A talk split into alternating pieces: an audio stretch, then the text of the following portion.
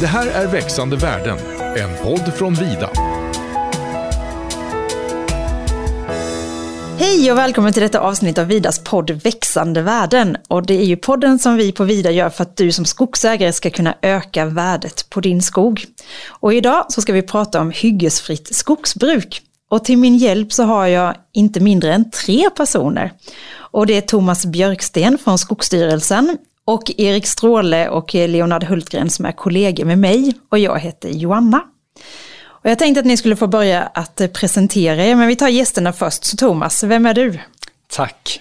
Thomas Björkesten som sagt, eh, jobbar på Skogsstyrelsen på Jönköpings distrikt eh, och har denna veckan jobbat fem år på Skogsstyrelsen. Har tidigare en bakgrund som eh, skogsbruksplanläggare. Och på Skogsstyrelsen jobbar jag bland annat med rådgivning och eh, bland annat då med hyggesfritt skogsbruk. Mm, välkommen och grattis till fem år. Tack. Leonard, vem är du då? Ja, vem är jag? Före detta maskinförare. Som har kört skördar i många år. Nu jobbar jag på Vida med framförallt eh, traktplanering och maskinuppföljning, maskinsupport. Olika frågor däromkring. Och Erik? Ja, Erik Stråle. Jag är biträdande områdeschef på Region Öst och har eh, lite inköpare framförallt i Mörlunda och Orrefors som jag jobbar mycket med och sen är det en hel del entreprenörsfrågor i stort och smått, avtal och priser och sådana saker. Har en bakgrund som, som virkesinköpare på, på Vida sen innan då. Ja men det känns bra att ha med er. Och vad innebär hyggesfritt skogsbruk? Thomas? Ja, det är ju en eh, ganska vid fråga, eh, innefattar ganska mycket. Eh, men ska man förenkla det så kan man väl säga att det, det, handlar om att bruka skogen på ett sätt så att man inte tar upp stora hyggen. Det finns alltid träd kvar på, på ytan så att säga. Och eh, Skogsstyrelsen har jobbat med hyggesfritt ända sedan 2005, så det är snart 18 år. Haft uppdrag att öka kunskapen om det och eh, ja, se till att det ska öka. Och eh, att jag säger att det är en vid fråga, det, det, det innefattar mycket och det är många som har olika tankar om vad de tycker hyggesfritt är. Så därför tog eh, Skogsstyrelsen för några år sedan fram en definition för att lite motverka begreppsförvirringen. Så när vi på Skogsstyrelsen pratar om hyggesfritt, då pratar vi om tre olika metoder som är blädning, luckhuggning och överhållen skärm. Lite kort. Hyggesfritt skogsbruk, är det kontroversiellt? Både, både, både ja och nej. Eh, frågan har nog blivit lite kontroversiell på ett sätt. Och, och det beror nog lite på, som, som Thomas nämnde här, den här begreppsförvirringen. Att folk har en föreställning om vad hyggesfritt skogsbruk är. Som jag tror att inte skogsbruket i alla lägen delar. Eh, Skogsstyrelsen har ju sin definition som jag tror att skogsbruket känner sig mer bekväm med. Där man, där man har plockat in era tre olika delar av det. Eh, men, men begreppsförvirringen och, och, kunskapen gör nog att det blir lite svårt och kanske lite kontroversiellt ibland. Att vi har inte samsyn riktigt på det hela tiden. Men jag kan fylla på där Erik och, och eh, en viktig detalj som jag glömde nämna är att, att när Skogsstyrelsen pratar om hyggesfritt skogsbruk då ser vi det som en alternativ produkt, produktionsform, alltså en produktiv skötsel. Och det är ju en, som, som du är inne på här, det är många som, som vill koppla det till att det bara handlar om naturvärden och naturvård, men då pratar vi om kontinuitetsskogsbruk på Skogsstyrelsen. Så vi ser det som en alternativ skötsel och det, vi ser det som en frivillig grej, där markägarna har intresse och där det lämpar sig. Men visst har också Skogsstyrelsen och certifieringarna definierat skogsbruk olika? Ja, det stämmer och nu, nu är ju inte jag någon expert på certifieringar, men jag har ändå läst på lite grann vad, vad de säger och eh, de har ett lite snävare begrepp där de säger just kontinuitetsskogsbruk istället och som jag förstår det, deras andemening är mer att eh, jobba långsiktigt med naturvärden och sociala värden. Ehm, så, så den, den, är mer som ett komplement till våran definition av hyggesfritt skogsbruk. För det ska ju ändå sägas att de metoderna vi beskriver går ju ändå att använda. Eh, det kan finnas olika motiv till varför man vill bedriva hyggesfritt på sin fastighet. Och då kan ju naturvärden eller sociala värden vara något av det. Eh, 98 procent skulle jag vilja säga någonstans av de markägare jag möter i rådgivning är intresserade av det av rekreationsskäl. Man vill lite ha kakan och äta den samtidigt. Man vill ha kvar sin svampskog. Eh, skogen som farmor planterade, jaktpasset, söndagspromenaden. Eh, det är ofta de motiven jag möter när jag är ute. Och där jag flikar in, då, där, där tror jag det kontroversiella ligger, äta kakan och ha den. Från skogsbruket ser vi liksom inte riktigt möjligheten att, att få det. För, för ska vi, man, man jämför sig med andra då i hur stor kaka man faktiskt får del av. I våra ögon så blir den nog lite mindre när vi pratar hyggesfritt skogsbruk. Och då tycker man att man inte har fått lika stor kaka, men man har ju kvar sin kaka och det ser man inte när man jämför sig med sin granne eller något liknande som inte valde hyggesfritt då. Och då blir det lite att vi inte pratar samma språk alla gånger riktigt och har inte samma mål med det. Jag tror att det är mycket det det hänger på. Vad är mitt mål med skogsbruket? Oavsett om vi pratar trakthyggesbruk eller hyggesfritt så är det målsättningen för markägaren som är det viktiga. Och den har de många gånger inte. De vet inte alltid själva heller vad som är målsättningen. Nej, för det ska man ha klart för sig att även om man tillämpar hyggesfritt skogsbruk så kommer inte beståndet se likadant ut efter en åtgärd. Utan det blir ett annat bestånd som man får kvar. Och det tror jag inte alla är medvetna om. Utan vad man än gör så kommer det förändra beståndet. Men jag, jag håller med båda två. Det, här med, med min bakgrund som planläggare så, så håller jag med dig. Jag upplever att tyvärr så har inte markägare alltid en klar bild av vad deras målsättning med deras skogsägande är. Och eh, precis som du säger Leonard, att eh, det kommer ju förändras. och jag tror många kanske målar upp en chimär ibland om, om hur det kommer bli när de brukar skogen hyggesfritt. Och vi har inte alltid, det finns ju bestånd där vi avråder från att de ska bruka det hyggesfritt för vi ser att det, det innefattar för stora risker i en omställningsfas. Eh, men men återigen, igen, som sagt, vår rådgivning baseras på, på frivillighet och, och, där det kan vara lämpligt och det är skogsägarens motiv som, som ska ligga bakom. Men hur kommer det sig då att vi definierar det olika? Finns det, måste ändå finnas ett mål i att vi har en liknande definition? Det, det, håller jag med om och det är som sagt därför för två år sedan som Skogsstyrelsen gjorde, tog fram en definition och den, den ska väl revideras efter tid här. Och, och men, men, det var en förhoppning. Äh, att man tog fram den var en förhoppning att slippa den här, att man pratar förbi varandra och menar olika saker. Sen som vi har varit inne på här så har inte alla valt att anamma våran definition. Den är bara två år gammal så, så tiden kanske måste gå lite och vi får se eh, vad det tar vägen. Och mina spontana tankar. Mm, du sa ändå att det fanns tre sätt att jobba med hyggesfritt skogsbruk. Enligt Skogsstyrelsens definition. Enligt Skogsstyrelsen. Kan du inte bara utveckla de tre lite? Det kan jag göra. Eh, blädning är väl den metoden som jag tror att många har hört talas om och som också har i sammanhang lite dåligt rykte. Eh, det dåliga ryktet grundades i väl hur man bedrev det för hundra år sedan i Norrlands inland där det, det blev bara liksom lite småpinnar kvar. Man, man högg alldeles för hårt. Eh, när Skogsstyrelsen pratar blädning idag, då pratar vi mer uttagsvolymer som liknar gallring. Eh, 30 procent max. Så det är att det ska finnas fullskiktad skog hela tiden. Träd i alla storlekar. Och man, man plockar oftast ut de grövsta då. Och så ska det växa in vartefter. Det är en metod som ofta gynnar skuggföredragande träd som gran. Då.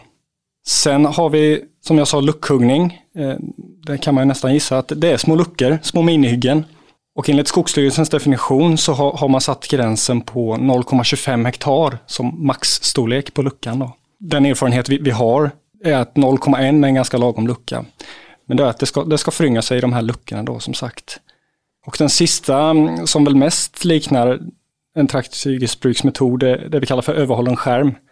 Som liknar ganska mycket en, en fröträdställning. Skillnaden är dock att vi håller den tätare, 130 150 stammar per hektar. Och sen ska det växa in nytt inunder det där och eh, föryngringen ska bli 2,5 meter, har vi sagt innan man börjar glesa ut det. Och den sistnämnda metoden får jag väl vara, ödmjuk med att säga att det är väl den vi kan minst om idag. Eh, och där vi försöker eh, jobba fram praktiska exempel och se. För det kan ju låta från att oj, 150 stammar, det kommer det verkligen upp någonting under det? Och det är där vi liksom försöker lära oss nu att eh, vad, finns det någon gyllene gräns? Sen är min erfarenhet att det, där, det beror så väldigt mycket på från bestånd till bestånd om det funkar eller inte. Det, men det är så vi har definierat. Och sen måste jag få tillägga, när vi nu befinner oss i Kronoberg, Kronobergsmetoden, björken är granens moder, det är ju en hyggesfri form som vi ser det också.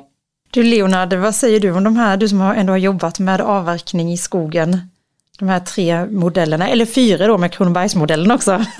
Ja, de tre första har jag lite erfarenhet av i alla fall och, och, just då som förare då köra. Och det är väl, eh, ja vad ska man säga, det är ju framförallt så ställer det ju helt andra krav på, på maskinföraren. Men det, det, blir väldigt intressant som förare att göra sådana jobb. För det, det ställer en helt annan krav och kunskap. Utan det viktigaste är att man har de ekonomiska och de tidsmässiga möjligheterna. Att man kan eh, ja, som entreprenör då få samma ersättning för de jobben. För det handlar ju om timkörningar när man kör sådana här specialuppdrag. Och då är de ju väldigt intressanta att hålla på med. Absolut. Du säger att de ställer andra krav. Hur tänker du då? Man producerar inte lika mycket när man, när man gör sådana här körningar utan det kräver helt annan form av planering.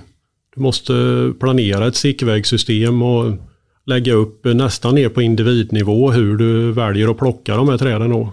Och det kräver att du har en slutavverkningsmaskin, anser jag i alla fall, en större maskin för att kunna ta de här grova träden och lägga dem på, på rätt sätt för att inte slå sönder i föryngringen. Så man, man måste förplanera på ett helt annat vis och lägga upp sitt arbete. Vad skulle ni säga är fördelarna med hyggesfritt då? Eh, det finns väl absolut fördelar och, och den, den, stora fördelen skulle väl vara, tycker jag i så fall, det är väl att man faktiskt kan tillgodose en markägares eh, önskemål. Det är väl en, en, en, stor fördel att, att man inte säger nej.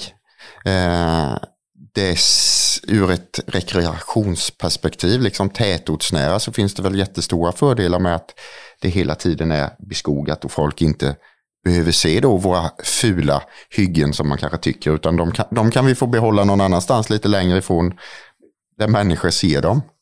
Eh, så visst, visst, kan det finnas fördelar. Eh, Men du menar inte hyggen, du menar föryngringsytor? Föryngringsytor. Är hyggen ett fult ord, Johanna? Jag kan fylla på lite med, med, med sådana motiv vi har sett i vårt arbete med, med hyggesfritt. Eh, rekreationen har vi varit inne på.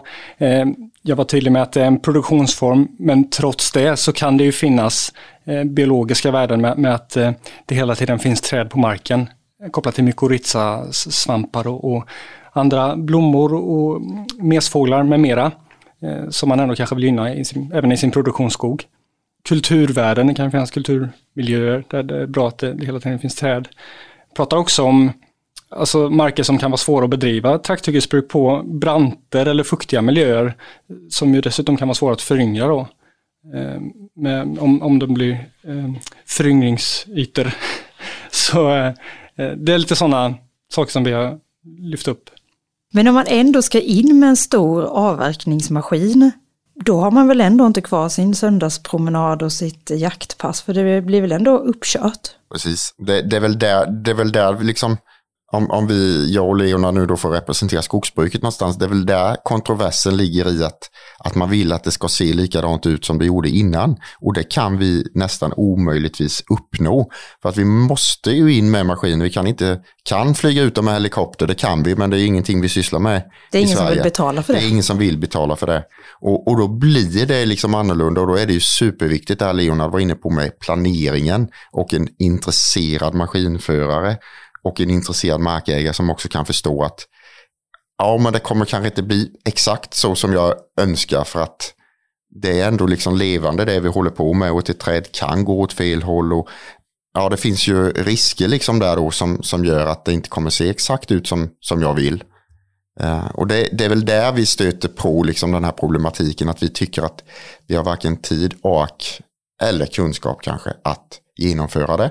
Och då kan det bli lite lätt att sopa det under mattan helt enkelt. Och inte bemöta det liksom. För att det, det är ju en tidskrävande insats att hålla på med det. Jag kan fylla på, jag, jag instämmer i mycket av det du säger och i mina rådgivningar brukar jag vara tydlig med att särskilt om vi pratar blädning då, att, att man gör upp en permanent väg i sitt bestånd. Att det är den här vägen du får nyttja och försöka eh, få in virket från sidan till den då. Just för att eh, minska risken för, för röta och, och annat då. Så en god planering, absolut. Och precis som du säger, och vi har varit inne på det lite innan här, att det är, det är ju en mer komplicerad metod. Personligen kan jag tycka att det är en lite mer intressant metod också, än eh, trakthyggesbruket.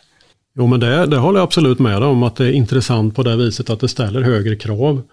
Som maskinförare, om du har kört i många år, då hugga, hugga ett normalt hygge. Det, det, liksom, det kan du göra i sömnen, men en sånt här uppdrag det kräver verkligen att du är intresserad och, och, och lägger manken till. Och, och även just det här att ta diskussionen innan med markägaren. Hur kommer det här se ut efteråt? Och kunna förklara och bygga upp en bild av att det kommer se ut på det här och det här viset. Det är ju jätteviktigt att markägaren har det med sig att det kommer att det kommer att bli en viss bild efteråt. Om vi lyfter upp fördelarna, vad är nackdelarna då? Vi har ju varit inne på dem lite också, men vad skulle ni sett att det är för nackdelar med hyggesfritt skogsbruk? Alltså för, för, slår man det i ett vida perspektiv och, och pratar om att, att vi skulle göra det här i, i något större eh, omfång så, så är det ju arbetskrävande och intensivt alltså för den enskilde virkesinköparen. Och det krävs ju också mer resurser i hela kedjan. Eh, om vi ska förse våra sågverk, vilket naturligtvis är vårt uppdrag, eh, Eh, då behöver vi ha fler entreprenörer, det kommer gå åt fler lastbilar för att det är mindre volym per, per avverkad yta liksom och det tar lite längre tid att få fram den. Så att där, kommer det, där finns ju vi lite nackdelar naturligtvis att, att det tar lite mer tid.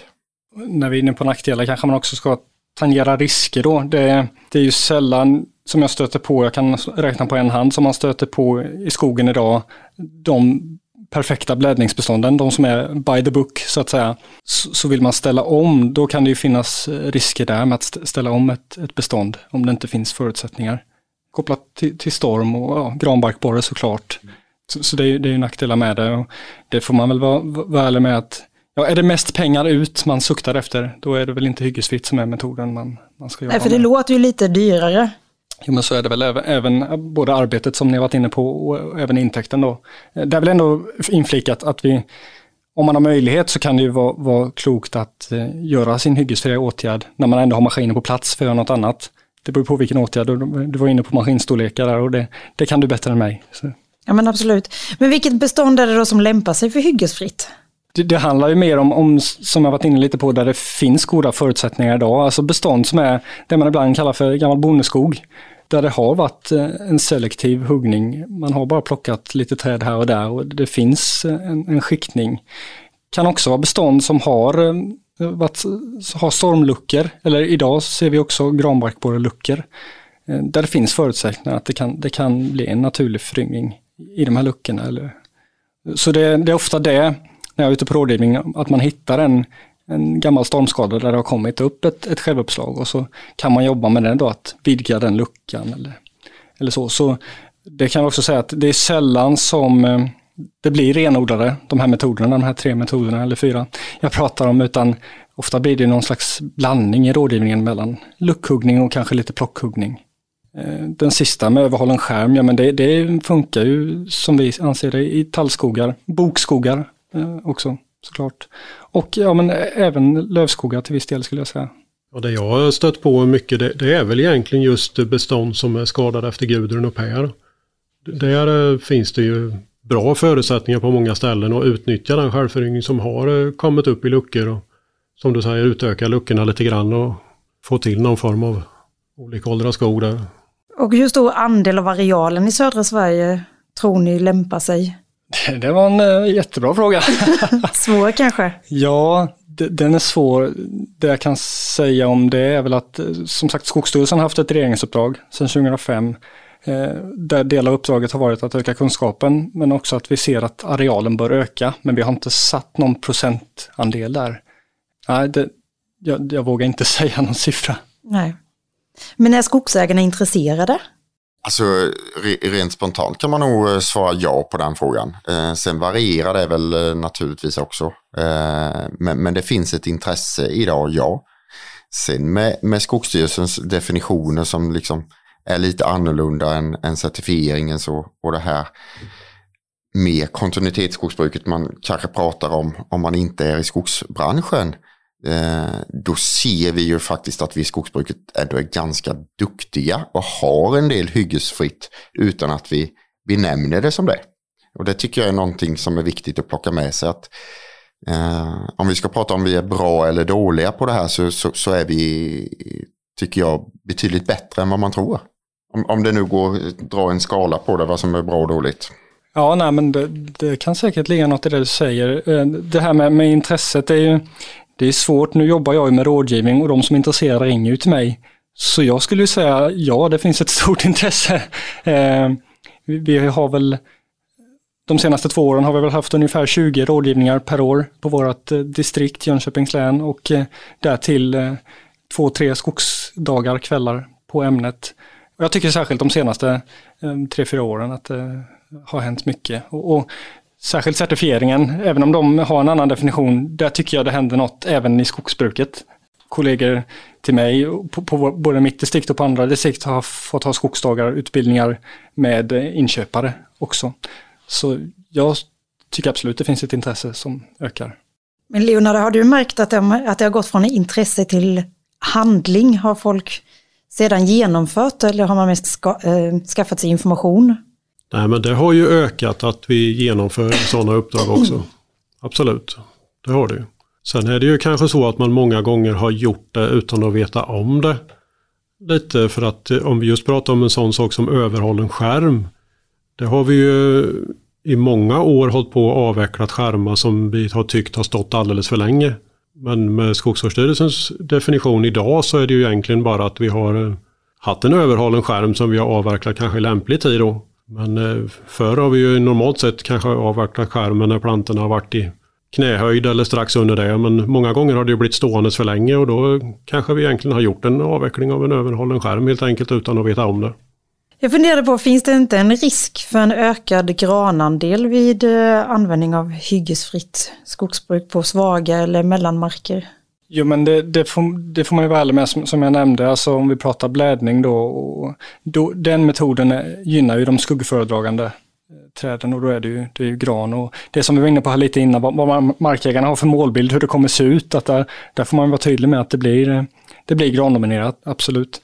Vad gäller luckhuggning så där går ju att få in de, de mer ljuskrävande träslagen och det är lite därför vi har tagit med dem i vår definition. Även eh, skärm, de metoderna tänker vi ska kunna funka för, för ljusföredragande träslag också. Men det här lite, hur ofta går man in och gör åtgärder i hyggesfritt skogsbruk i jämförelse med trakthyggesbruk? Ja, jag vet ju vad vi säger, men jag skulle vilja höra vad Leonard har för erfarenhet. Ja, då får Leonard börja. Om jag tar ur markägarens eh, synpunkt så tror jag att många tror i alla fall att man inte behöver röja och inte behöver göra så mycket mer än att plocka ut de grövsta träden och sen eh, gör man inget mer utan återkommer efter kanske 20 år och, och gör ett nytt uttag. Men, men jag, min övertygelse är nog att man måste vara mer aktiv snarare med röjning och, om man ska få någon bra produktion på det. Vad säger du om det? Nej, men annars intervallet när man ska gå in, det, det, det beror också på lite vilken av metoderna, men eh, tio år i alla fall om vi, om vi pratar blädning. Eh, I luckhuggning och överhållen skärm så, så får man ju avvakta lite och se när föryngringen har nått eh, två och en halv meter enligt vår definition då. När det kan vara dags att vidga luckan eh, eller börja glesa ur skärmen. Men det, ja, det är ju liksom enligt skolboken då, sen i verkligheten. Ja, och, och här kommer vi återigen till det här med vad man har för målbild. För pratar vi om att man har målbild om att det ändå ska finnas liten ekonomi i det, då är vi ju ganska övertygade om att man måste in och göra några åtgärder löpande som, som Leonard säger. Man behöver röja någon gång för att faktiskt få fram individerna som ska fortsätta växa lite snabbare. Till slut är det någon som du säger som, som tar övertaget men, men då är vi så många år fram och vi får en, en klenare, sämre utveckling på det enskilda trädet mot om vi faktiskt har röjt fram det något tidigare då? Ja, ja och nej. nej men det, det beror återigen på i vilket skede vi är i omställningen. Eh, I en omställningsfas så tror jag absolut att man behöver vara mer aktiv om man, för att få till en skiktat, ett skiktat bestånd. Eh, jag var för, för någon månad sedan nere och besökte en markägare i Skåne som har bedrivit hyggesfritt på, på flera bestånd i 40 års tid. Och han hade ju en värdetillväxt, alltså träden var över 100 år men man kunde ändå se att, att eh, en del av årsringarna på sluttampen var över en centimeter. Och han plockade bara ut grova. Och han fick ju flera stockar liksom per träd då. Så ja, det beror väl på lite vilken fas man är. Jag har en bild av att det är vanligare med hyggesfritt skogsbruk i övriga Europa än vad det är i Sverige. Stämmer det? Ja, jag försökte läsa på lite innan idag. Jag är väl ingen jätteexpert på det heller, men Ja, eh, många länder i Europa är med något som, om jag minns rätt nu, heter Pro Silva. Och där är det lite andra värden än så som vi bedriver skogsbruk i Sverige då, som eh, de jobbar efter. Eh, lite mer rekreation och lite mer klimatanpassning och robusta skogar och så som lyfter fram. Och sen i vissa länder, Slovenien till exempel, har slutet av 40-talet, där är det olagligt med, med föryngringsytor eller kalhyggen eller vad vi väljer att kalla det.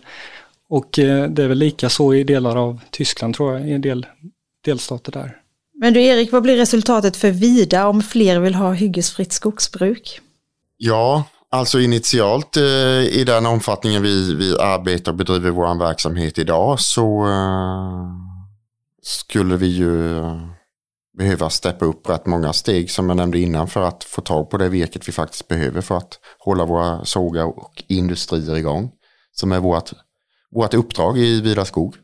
Så att alltså det är en arbetskrävande metod ända från, från eh, planering och inköp till hela kedjan innan vi har det på, på sågverksplan. Får jag fråga dig Erik, tänker du då att scenariot skulle vara att, att vi ställer om hela skogen till hyggesfritt Ja, alltså det, det, är klart att, att vi, vi kommer eh, säkerligen eh, i någon form redan från och med nu och har gjort också bedriva lite mer hyggesfritt än vad vi har gjort tidigare. Och det klarar vi av, absolut. Men pratar vi om, som frågan var innan, liksom eh, ett förbud mot, mot trakthyggen, då... Eh, Men då, då står vi inför en rejäl utmaning. Då står vi inför en, absolut en rejäl utmaning.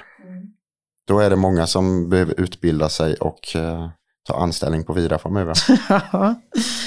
Men eh, vad skulle resultatet bli för entreprenörer om fler skulle vilja jobba med hyggesfria skogsbruk? Ja, egentligen så skulle det väl inte påverka, det, det påverkar ju på så vis att det blir ett annat typ av jobb. Men det skulle ju snarare skapa mer arbete kanske än mindre. Det ser jag nog det som man skulle producera mindre per arbetad timme. Så jag tror snarare att det skulle skapa mer arbete. Så fler skickliga då, entreprenörer, för vi pratade om yrkesskicklighet tidigare. Absolut, fler skickliga förare som är intresserade och vill lära sig. Och, och det vill de absolut flesta göra. Det skulle nog egentligen bara vara positivt på det viset. Sen blir det ett annat typ av arbete, det ska man ha klart för sig. Samtidigt som vi också har lite svårt att rekrytera till den typen av tjänster. Det är en stor brist på förare redan mm. idag så det, det, är ingen lätt nöt att knäcka det. Men Thomas, då får du på något sätt representera skogsägarna här då. Vad blir resultatet för skogsägarna om fler vill jobba med hyggesfritt? Ja, men jag tror väl ändå på det här med variationen då. Vi, på Skogsstyrelsen då, så, så pratar vi ju en del om eh, klimatanpassa sitt skogsbruk också. Och med det vi vet idag om det eh, så, så pratar vi ju om en variation, en blandning av både träslag men även skötselmetoder. Så i det, och, eh, vi har pratat om det här med vilket skede man är i, i sin hyggesfria skog. Men, men med det vi vet idag, det vi tror oss veta, har man en, en hyggesfri skog som är liksom igång, som den här marken jag, jag nämnde som hållit på med det i 40 år, då tror vi att de skogarna kan vara mer robusta inför eh, stormskador och insektsangrepp och diverse.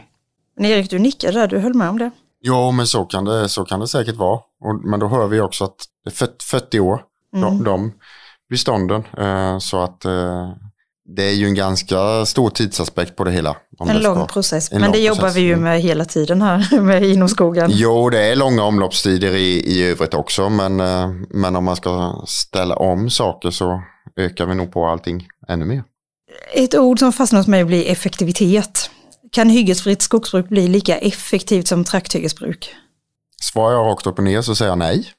Nej, och jag vet inte om jag det, det, det, som sagt det här med hur mycket man kan få ut och så, det beror på hur nära man har till väg och, och, och sådana här saker. Men, nej, men visst, det går väl inte att få ut lika mycket virke på samma tid, det kan jag ju inte säga. Nej, det kan vi nog vara överens om att det finns en anledning till att vi har haft eh, trakthyggesbruket och det är en stor anledning är ju att det är ett väldigt effektivt sätt att sköta skogen naturligtvis. Upplever ni att hyggesfritt skogsbruk, vi frågade innan om det fanns ett intresse, men är skogsägarna också liksom lite polariserade i frågan eller är de Mer att det liksom finns ett intresse. Som jag sa innan, jag, jag möter ju de som är positiva och vill ha rådgivning. Men eh, visst, på, på skogsdagar och så här har man ju mött de som är skeptiska också. Eh, vet någon som liksom, nej det där testade jag men det funkade inte hemma hos mig så det, det kan omöjligt funka. eh, det är klart att det, det finns alltid folk med olika åsikter. men får man bara utveckla den någonting så tror jag att ökar vi kunskapen på, på alla plan och alla nivåer om vad det faktiskt är vi menar och att vi får en bättre målbild. Så, eh, och samsyn då? Och samsyn. Erik och Leonard, nu när ni ändå har eh, Skogsstyrelsen på plats här, har ni någon fråga till eh, Thomas? En fråga är väl i, i vilken grad åker ni ut och ger rådgivning till markägare? Liksom är, det, är det fritt fram Absolut, du kan ringa sen så... så. ja.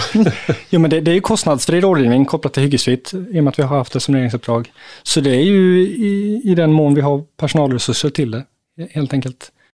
Ja, för det, det tycker jag är en väldigt viktig grej just det att, att eh, Skogsvårdsstyrelsen gör det, att man inte bara rådger om, om när det är lämpligt utan även när det inte är lämpligt med, med hyggesfritt skogsbruk. Ja, men att, det, det, ingår och vi träffar ju gärna entreprenören på plats också när det, när det har kommit till det här skedet att, att eh, man, man, kan ta en initial rådgivning och sen så när det börjar bli skarpt läge så kan vi gärna komma ut igen och, och kanske ge lite exempel på hur vi tänker.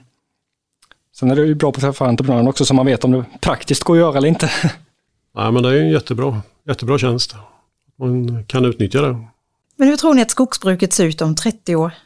Ha, ser det ut som nu eller har vi förändrat oss? Har vi blivit mer, dratt mer åt det hyggesfria? Jag tror att vi kommer bli tvingade att förändra oss eh, med klimatförändringar och miljöförändringar och sen antingen vi vill eller inte så skogsbruket är ju, vi är tvungna att eh, anpassa oss efter den miljö vi har så det hänger nog mycket på det. Hur klimatet förändrar sig och miljön förändrar sig. Ja, nej, men eh, jag, jag, tror vi kommer behöva förändra, absolut. Sen eh, om man ser till våran, våran industri och det som ändå driver en stor del av vårt skogsbruk så kommer den ju fortsatt vara levande. Jag menar trä är ju framtid och eh, vi, vi kommer ju behöva ha råvara även i framtiden. Men, men visst har vi gjort vissa omställningar säkerligen. Men de bygger nog ganska mycket på, som Leonard säger, klimatutveckling och annat. Ja, men jag, jag håller med. Det är väl bara om vi backar bandet 30 år och ser hur det var då. Så, så det, det kommer säkerligen förändras. Eh, och jag tänker kanske inte bara de sakerna ni nämnde med klimatförändringar utan eh, även opinion tror jag. Som det känns nu i alla fall. Det, det återstår väl att se om det håller i sig men eh, att även folk som inte är i skogen kommer ha åsikter om skogen. Eh, ja, det återstår att se. Det är en svår fråga. Nej, och, och där har vi också, vi, vi, vi pratar om att, att vi ska ha kanske bättre samsyn i, i skogen på vad vi tycker och vad vi menar, men opinionen också är ju superviktigt för att de tror och tycker väldigt mycket och vet ingenting.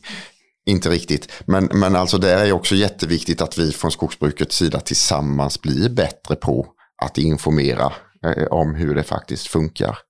Eh, hur det förhåller sig. Ja. Mm.